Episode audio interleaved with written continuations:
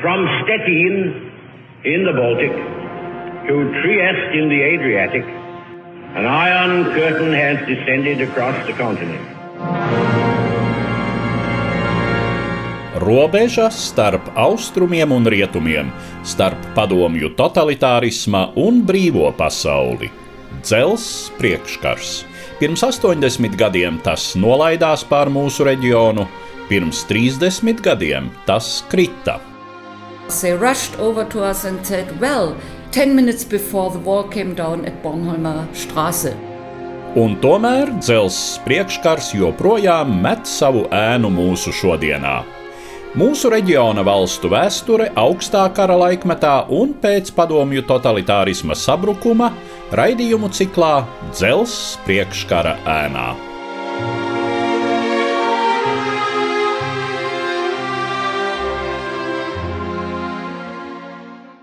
Labdien, cienījamie klausītāji! Šodien mūsu raidījuma ciklā pievērsīsimies Latvijas brāļu tautas lietuviešu liktenim padomju pakļautības periodā.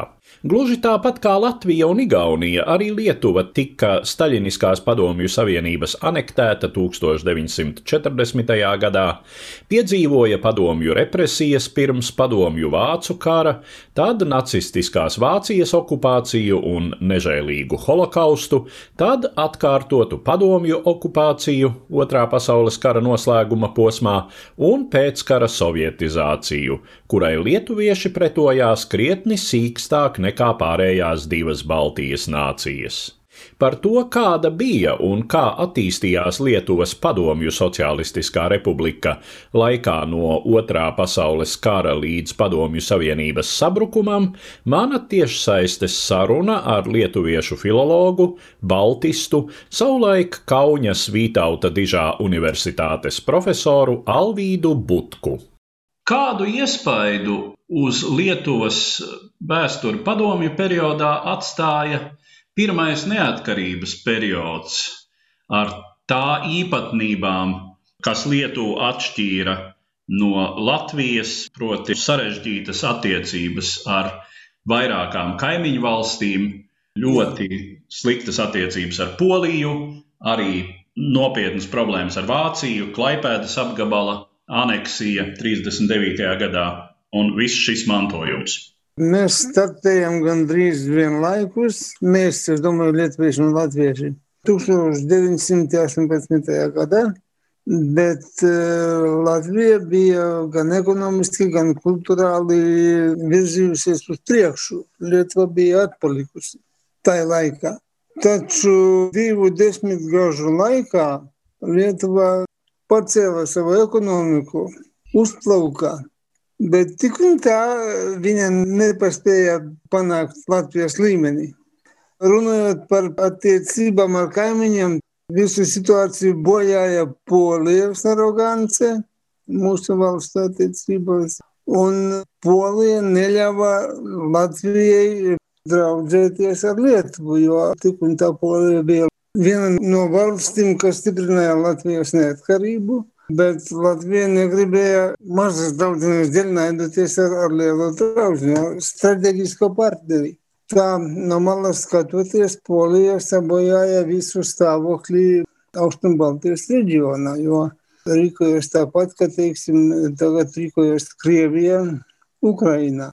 Bet no otras puses, lai tas skanētu paradoxāli, Polijas agresija Lietuvā stiprināja lietuviešu pašapziņu, un uh, lietuviešu valodas statusu. Tāpat kā Ukraina tagad to pašu pārdzīvo arī savā zemē, Krievijas agresivitātes dēļ. Tātad, lai nu kā, bet uh, trīs Baltijas valstis tajos 20 gados kļuva par rietumu Eiropas valstīm.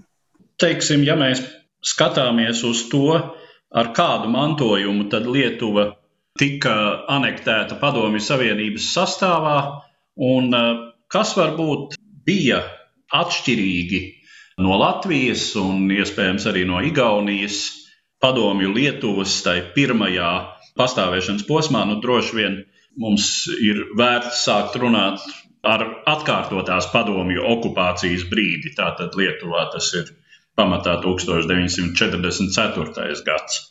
Jā, visas trīs Baltijas valstis cieta no represijām sākumā.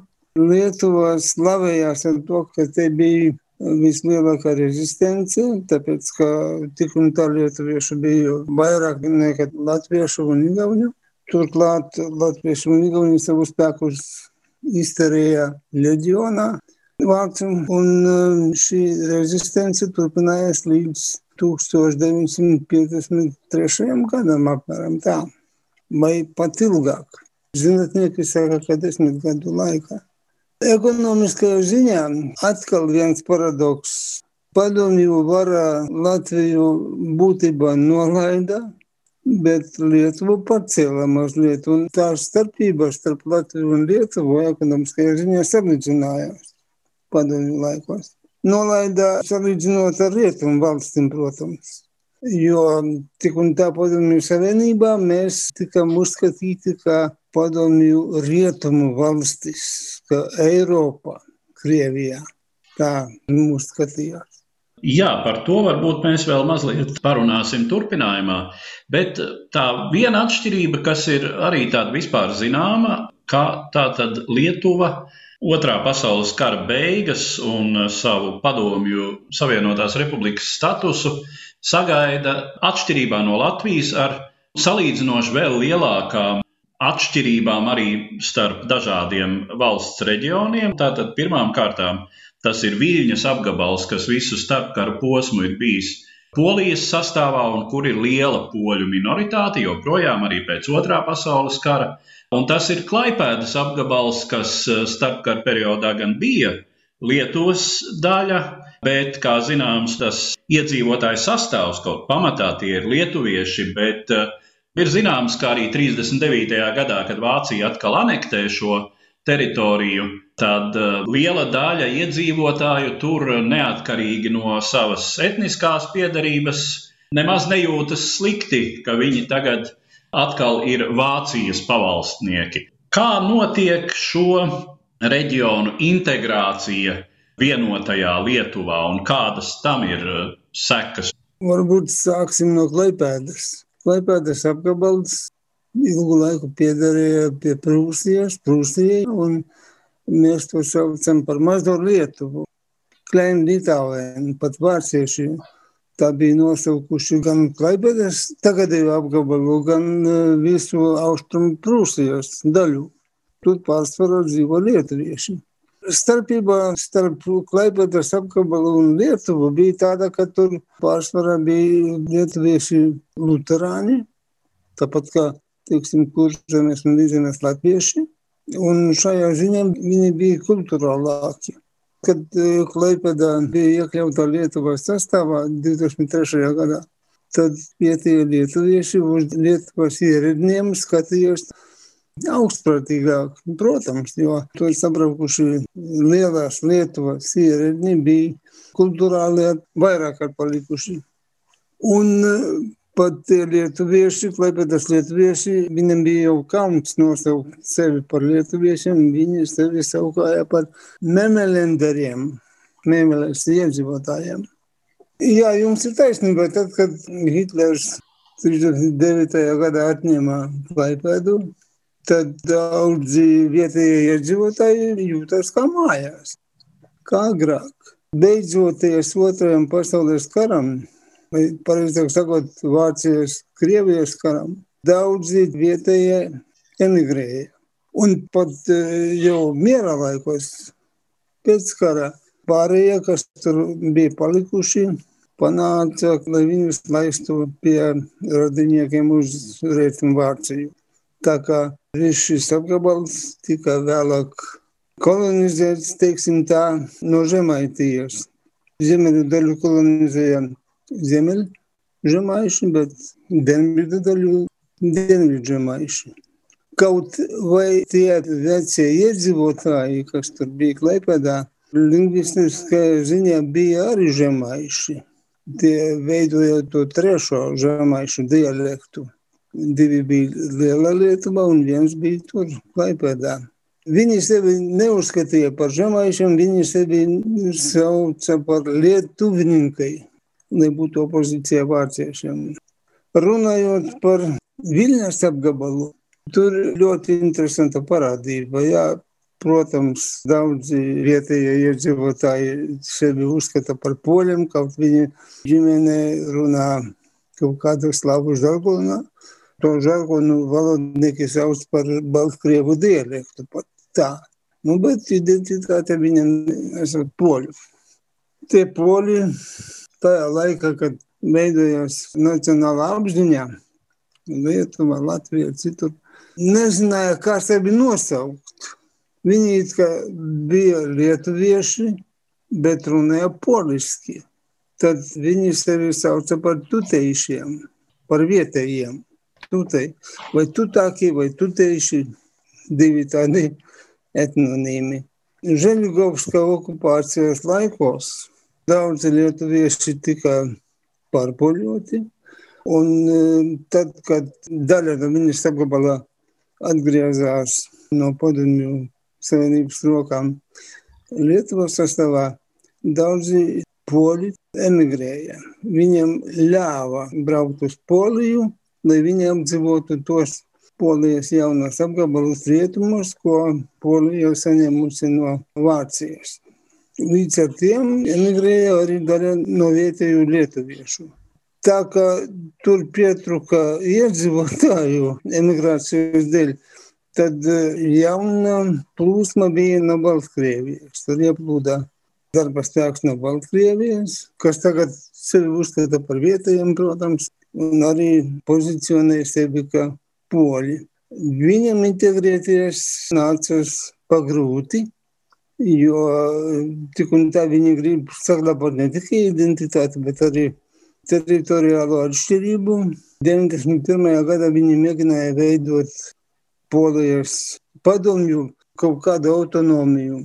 Polijas autonomiju padomju savienības sastāvā. Bet e, to autonomiju neatbalstīja Polija un to autonomiju izveidot neizdevās. Atšķirība no Latvijas, Lietuva tomēr nav ievedusi lietuviešu disciplīnu poļu skolās mācīšanu lietuviešu valodā. Un e, viņas poli un polija arī grib paturēt tādu situāciju, kāda ir pašlaik, lai poļu skolas būtu tīri poliskas un e, Poļi ļoti pretojas pret lietuviešu valodas līmeņa paaugstināšanu tajā reģionā. Tā jau ir šīs dienas vēsture, bet um, runājot par vispārējo etnisko situāciju, tas ir tas vispār zināmais fakts, ka Lietuvai izdodas saglabāt proporcionāli daudz lielāku pamatnācijas procentu iedzīvotāju sastāvā. Tātad Lietuva padomju periodā paliek daudz lietuviskāka nekā Latvija latviskāka un Igaunija igauniskāka. Varbūt mēs varam atgādināt tos galvenos iemeslus, kāpēc Lietuvai izdodas neievest, arī īstenojot, kā jūs jau minējāt, diezgan plašu industrializāciju, kas faktiski izlīdzina pirmskara perioda starpības starp Latviju un Lietuvu. Tad uh, Salīdzinoši maz ir šī darba spēka ieplūšana no citām padomju savienības daļām. Nu jā, jūs gandrīz atbildējat uz šo jautājumu. Ir divi iemesli, kāpēc tā viens ir oficiālais, otrs neoficiālais. Par to neoficiālo es gribu teikt, ka lietuvieši tic, ka, teiksim, Krievi baidījās braukt uz Lietuvu pēc kāda rezistences dēļ. Jo tā rezistence bija liela Lietuvā, lielāka nekā citur. Viņi neiedrošinājās te iebraukt. Es to noraidu, jo tā rezistence galvenokārt tika veikta laukos, nevis pilsētās, un Krievi nepretendēja iesakņoties laukos, kolhozos. Viņi tēmēja uz pilsētām.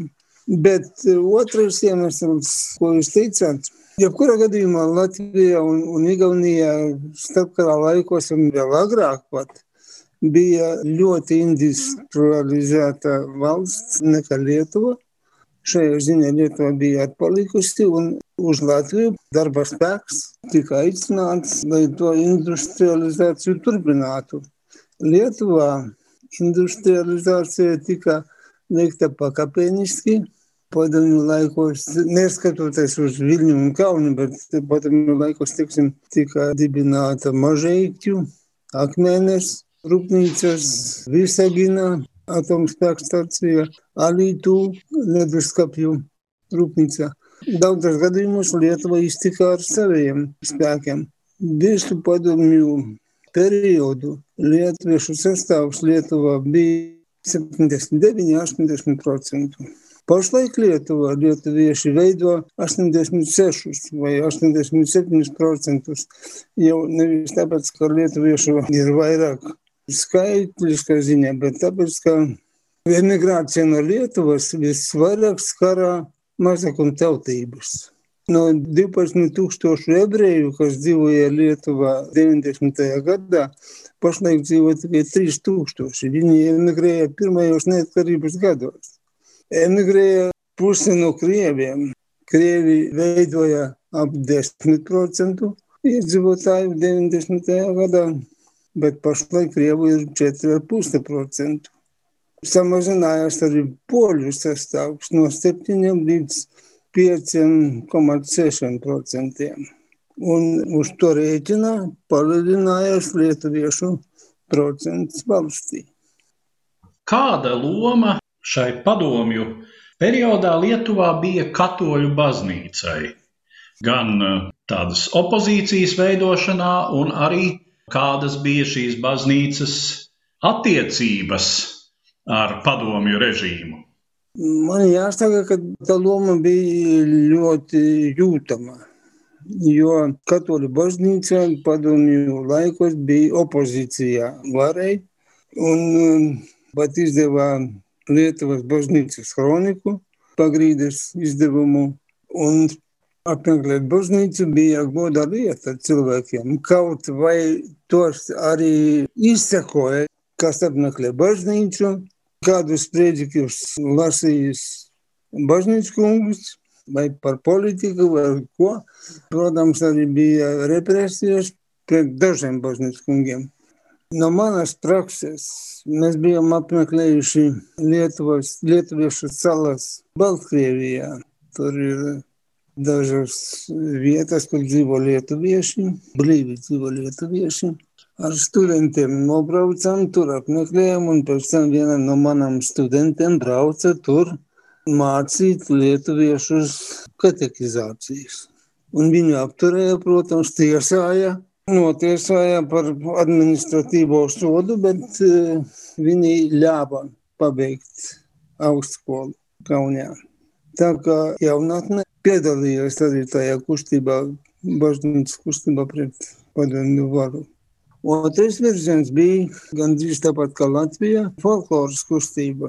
Un e, folkloras kustība kļuva biežākā un, un stiprākā pēc 1972. gada, kad Kaunijā sadedzinājās Romas kalantā.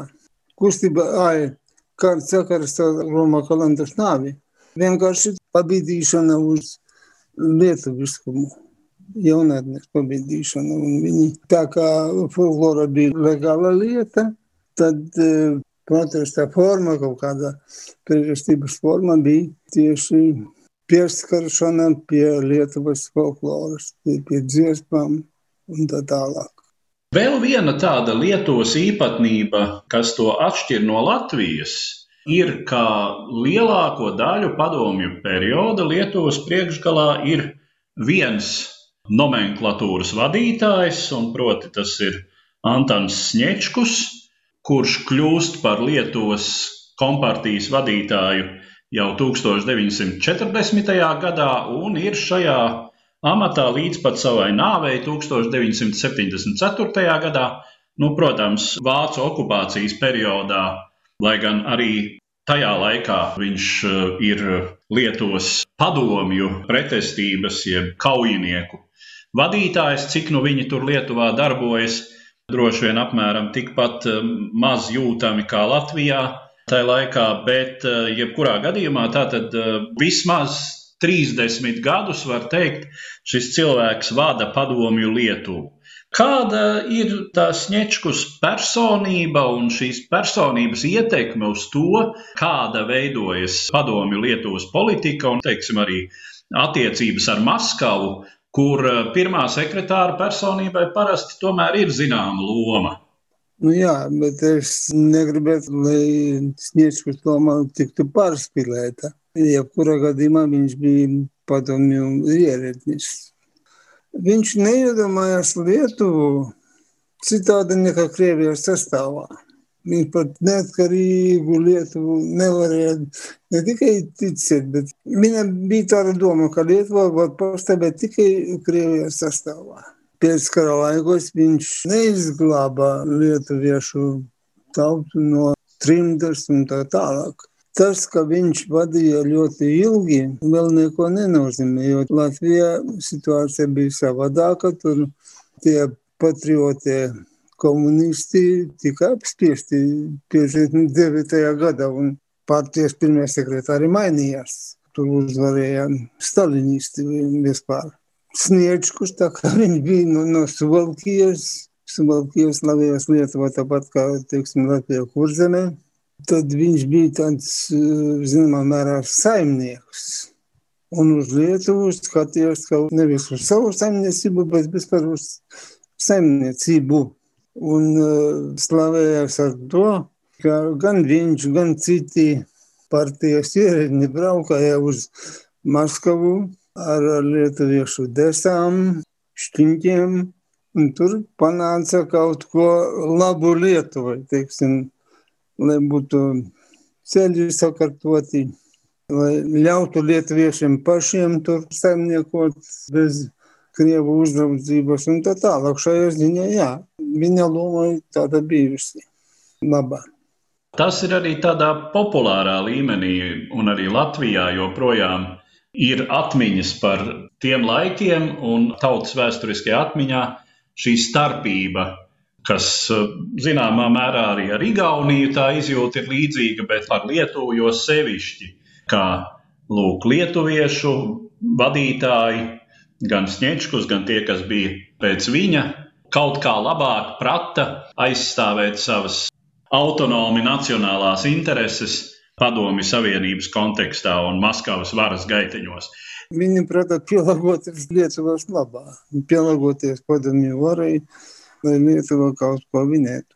Jā, bet ja mēs skatāmies objektīvi uz to ainu, nu, neapstrīdams ir tas fakts, ka tiešām padomju periodā Lietuva panāk Latviju vairumā ekonomisko rādītāju. Un ja starpkara periodā, kā jūs jau teicāt, tomēr Latvija ir ekonomiski attīstītāka, urbanizētāka, arī ar augstāku vidējo izglītības līmeni, tad uz padomju perioda beigām 70. un 80. gadi latviešiem nākas konstatēt, ka Lietuvā ir pat jau labāki ceļi, izskatīgāka bieži vien arhitektūra un eh, ka nav vairs nekādas attīstības starpības starp Latviju un Lietuvu.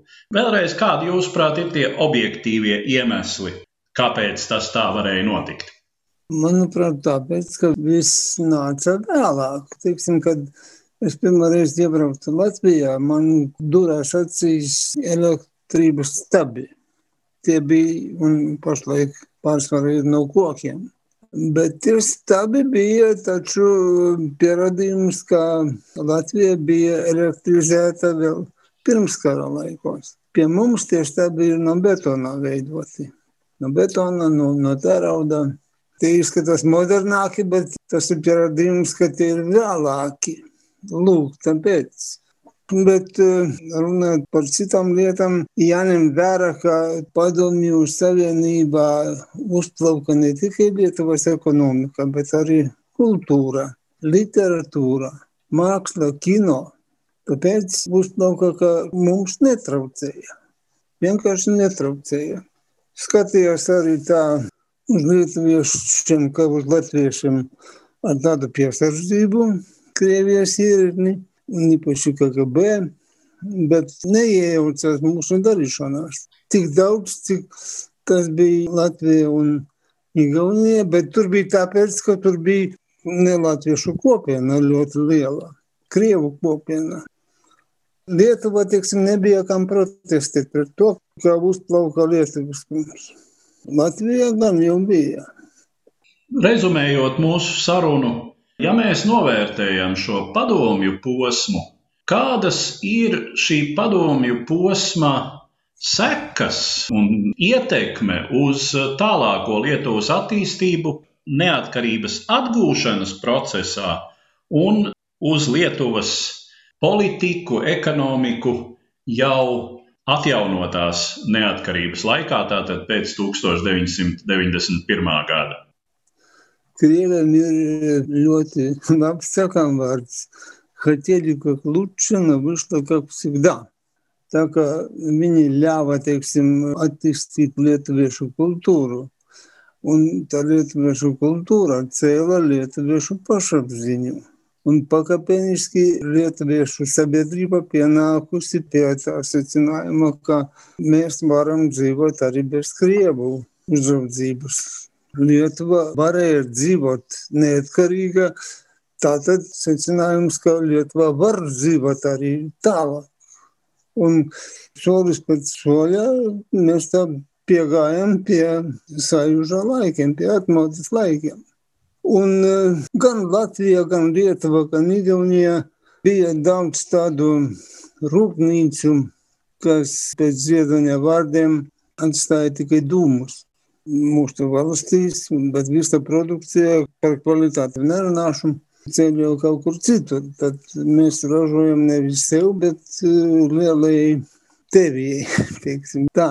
Tā tad uh, dabiski, ka, teiksim, neatkarības laikos tās rūpnīcas zaudēja savu nozīmi un tika slēgtas. Tas pats galu galā notika arī Krievijā. Krievijā daudz rūpnīcu tika slēgtas, pat autorūpnīcas.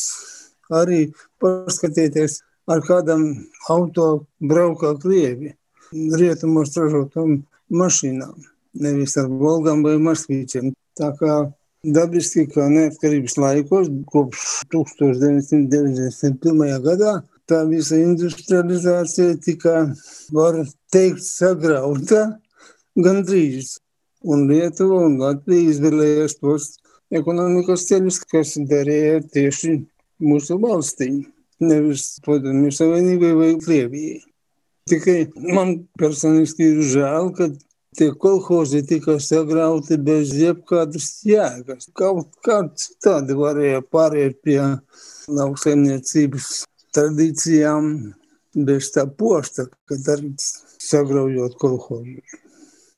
Bet nu visumā, kas varbūt bija tas pozitīvais mantojums, ko lietuviešu nācija tomēr eh, varēja izmantot no padomju perioda atjaunotās neatkarības laikā?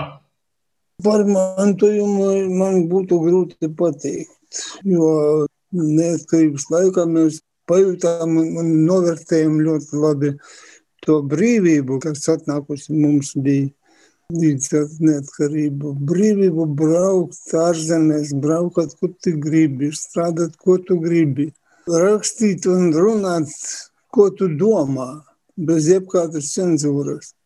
Bet par mantojumu es nezinu, varbūt izglītība, ko mēs dabūjam padomju laikos. Vienīgais tas. Līdz ar to izskan mūsu tiešsaistes saruna, kas bija veltīta Lietuvas vēsturei padomju pakļautības periodā no Otrā pasaules kara līdz padomju totalitārisma sabrukumam. Mans sarunbiedrs tiešsaistē bija lietuviešu filologs, baltists, savulaik Kaunas Vītauta Dižā Universitātes profesors Alvīts Butkus. Uz redzēšanos, cienījamie klausītāji!